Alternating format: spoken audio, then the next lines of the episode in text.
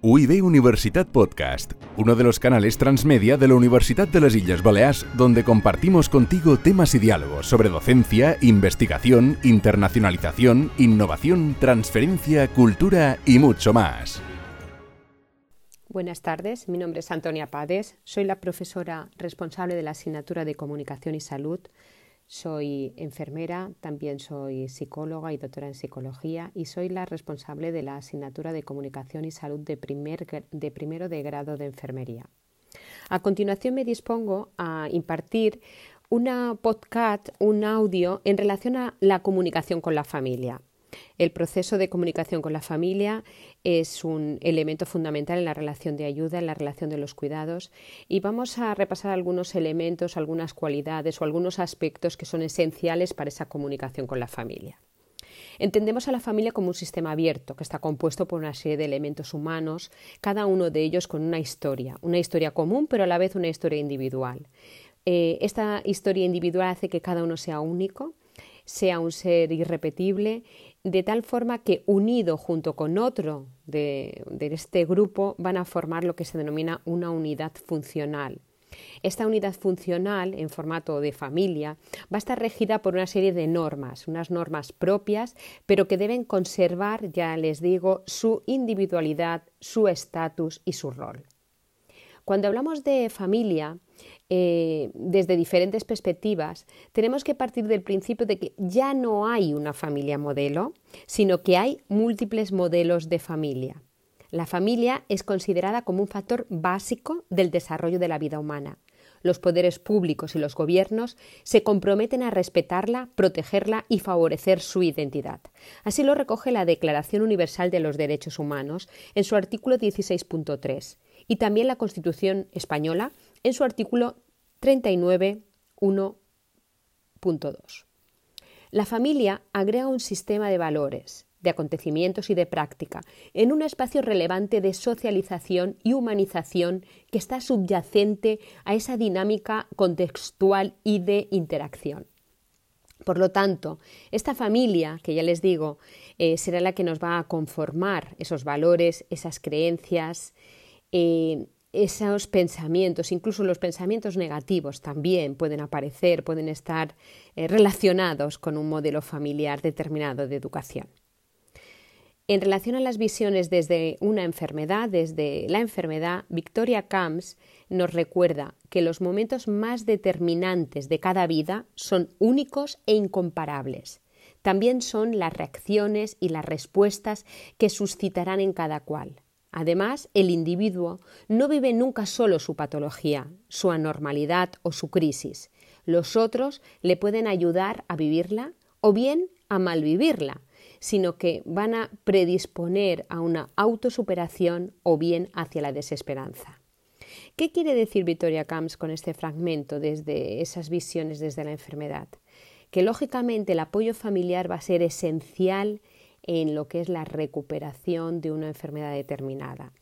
Va a ser esencial para que la persona comprenda su patología, para que se adapte a la nueva situación, pero por otro lado, la relación tiene que ser una relación óptima. Si no es óptima, le puede llevar a lo que ella denomina a la desesperanza.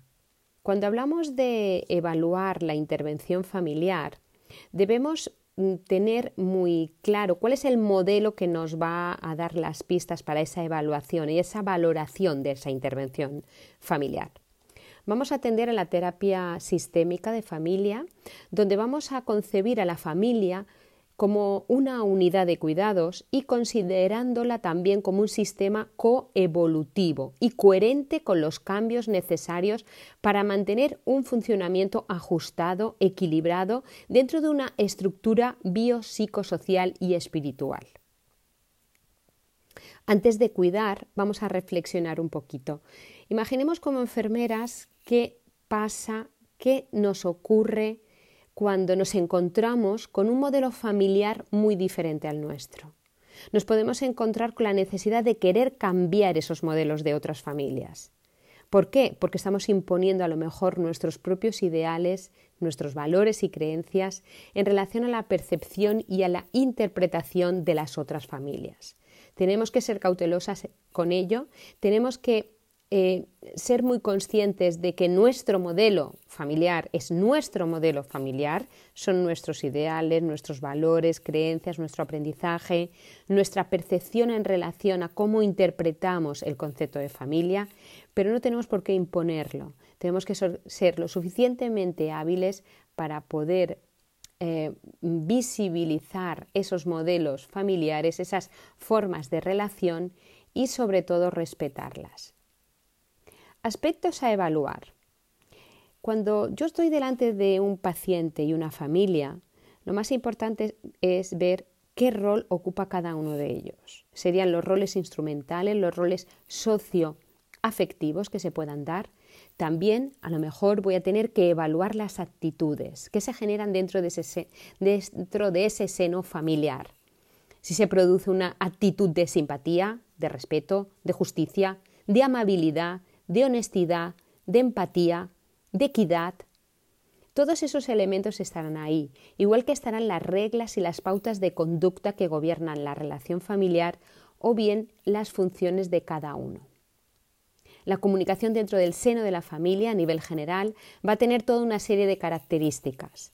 No podemos dar una regla mágica, pero sí algunas sugerencias en relación a cómo debe ser esa comunicación dentro del seno familiar a nivel general. Ya no estamos ahora en un momento de enfermedad, sino a nivel general.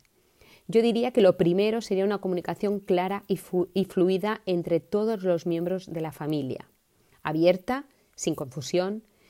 Eh, con la sociedad a lo mejor marcar fronteras, reservar aquello personal, propio, único, dentro del seno de la familia.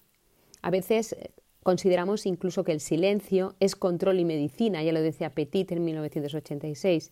Pues más que más, a veces hay elementos, hay aspectos familiares donde el silencio o la carencia de contenido de manera intencional hacia los otros puede ser un factor protector.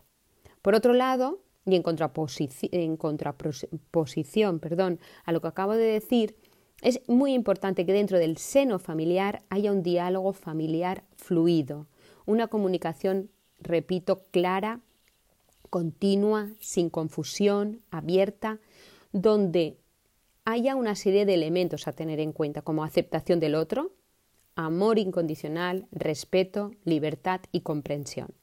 ¿Cuáles serían los obstáculos que se dan dentro del seno familiar a la hora de comunicarnos? La falta de tiempo, el no saber escuchar al otro, la falta de respuestas a preguntas que nos están realizando, mentalidades diferentes, personalidades también diferentes, igual alguno con alguna personalidad más introvertida hace que sea más retraído y que sea incapaz de comunicarse de manera adecuada con los demás.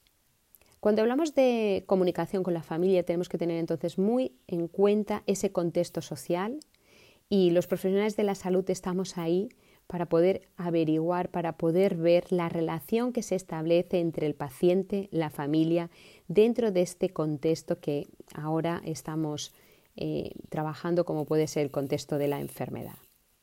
Comunicación familiar supone continuamente hacer una valoración también familiar.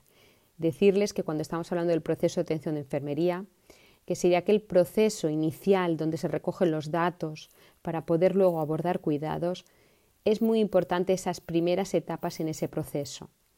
Radica luego el posterior proceso de cuidados. Por lo tanto, valorar es descubrir, es encontrarnos, es conocer ese encuentro interpersonal. Situarnos ante el otro, también ante la familia y poderle conocer. Para ello, cuando yo tengo que elaborar una valoración familiar, voy a tener que ver también cuál es el estatus, los roles sociales que ocupan, su condición social, cultural y económica, cómo viven la enfermedad, cuáles son sus creencias, sus expectativas, dentro de ese modelo familiar sistémico que va a regir eh, ese conocimiento de la valoración familiar. Dentro de este y desde este enfoque de modelo sistémico, podemos hablar de algunos elementos a tener en cuenta para poder cuidar. El primero es cómo se organiza la familia en relación a la enfermedad qué pautas estructurales se están dando, en qué etapa del desarrollo se encuentra. Cada uno de nosotros podemos tener un, momento, una circunstancia a nivel evolutivo, a nivel personal, que nos puede hacer más eh, participativos a la hora de prestar cuidados o menos. ¿Cuáles son las experiencias multigeneracionales? ¿Cómo hemos o cómo han cuidado en esta familia a sus antepasados, a los más cercanos, a las personas mayores, a las personas con enfermedad? El proceso de comunicación y el sistema de creencias va a ser fundamental.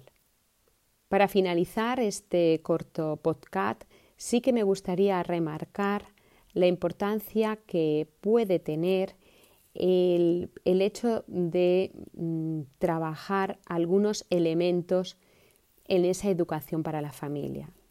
Aspectos de la familia donde vamos a tener que hacer mucho más hincapié en relación a la educación para la salud van a ser aspectos que van a necesitar una información muy clara y muy precisa, como por ejemplo hábitos de alimentación, cómo debemos alimentar al paciente, la higiene, los cuidados directos del enfermo, cambios posturales, curas específicas, hábitos de evacuación, cómo administrar los fármacos, cómo monitorizar esas posibles potenciales de los fármacos. Ante la aparición de una crisis de un coma, de una crisis de pánico, de una agitación psicomotriz, de agonía, cómo poder manejar, cómo poder alertar, cómo poder buscar ayuda. Orientaciones también para la comunicación con el enfermo desde, desde una perspectiva muy abierta, con una actitud receptiva, con una importancia a esa comunicación no verbal y a esas respuestas. Los errores en la relación y en la comunicación con la familia a veces son tan sencillos como el primero de interrumpir, de no escuchar, o bien escuchar con prisas, ser excesivamente directivo. Quizá no dar la prioridad a las reglas rígidas de funcionamiento dentro de la propia familia. Dar por hecho a veces como error que la familia no tiene nada que decir, cuando realmente la familia van a ser nuestros aliados a la hora de cuidar al paciente. O bien otro tipo de interferencias que podemos encontrarnos como profesionales de la salud, como pueden ser la presencia de interferencias de tipo social, prejuicios, de tipo emocional, una disonancia emocional o de tipo conductual. Ante qué hacer ante algunos comportamientos de la familia. Eh, yo solamente les diría lo siguiente, que el familiar no está en este momento en el hospital para que nadie le cambie sus comportamientos y sus relaciones, ni para que se le critique, tengo que ser paciente, tengo que ser tolerante, debo evitar recriminaciones y rigideces, debo procurar el bienestar y no el malestar, debo evitar culpabilizaciones y contraargumentaciones, contraargumentaciones como ponerme a la defensiva, como proyectar nuestra culpa de nuestro malestar en otras personas o en el sistema o en el hospital o en la sociedad. Como conclusión, decirles que la familia es un sistema y es una unidad biopsicosocial que mantiene un determinado comportamiento frente a la salud y frente a la enfermedad. Las actitudes que van a reflejar se van a reflejar claramente en la comunicación. La comunicación con la familia debe atender a una serie de reglas básicas en la comunicación eficaz. Debemos evitar la claudicación familiar porque sabemos que se previene con atención y con cuidados dirigidos a la familia. Importantísimo la escucha activa, el respeto, la tolerancia, la aceptación, Siempre desde el respeto vamos a poder contemplar sus miedos, sus emociones, sus deseos de información. Apoyar al paciente y apoyar a la familia van a poder amortiguar respuestas de estrés y de malestar. Para finalizar, entonces, las personas tienen el potencial de su salud. Nosotros no tenemos que ayudar, nosotros, perdón, nosotros solo tenemos que ayudarles a liberarlo. Es lo que nos decía Collier en el año 1993. La familia tiene que acompañar, tiene que ayudar, tiene que prestar atención, tiene que estar ahí no solo por nosotros como profesionales para poder establecer un vínculo de cuidados adecuados, sino también para poder prestarle el apoyo que precisa el paciente al cual tiene que cuidar. UIB Universitat Podcast, uno de los canales transmedia de la Universidad de las Islas Baleares, donde compartimos contigo temas y diálogos sobre docencia, investigación, internacionalización, innovación, transferencia, cultura y mucho más.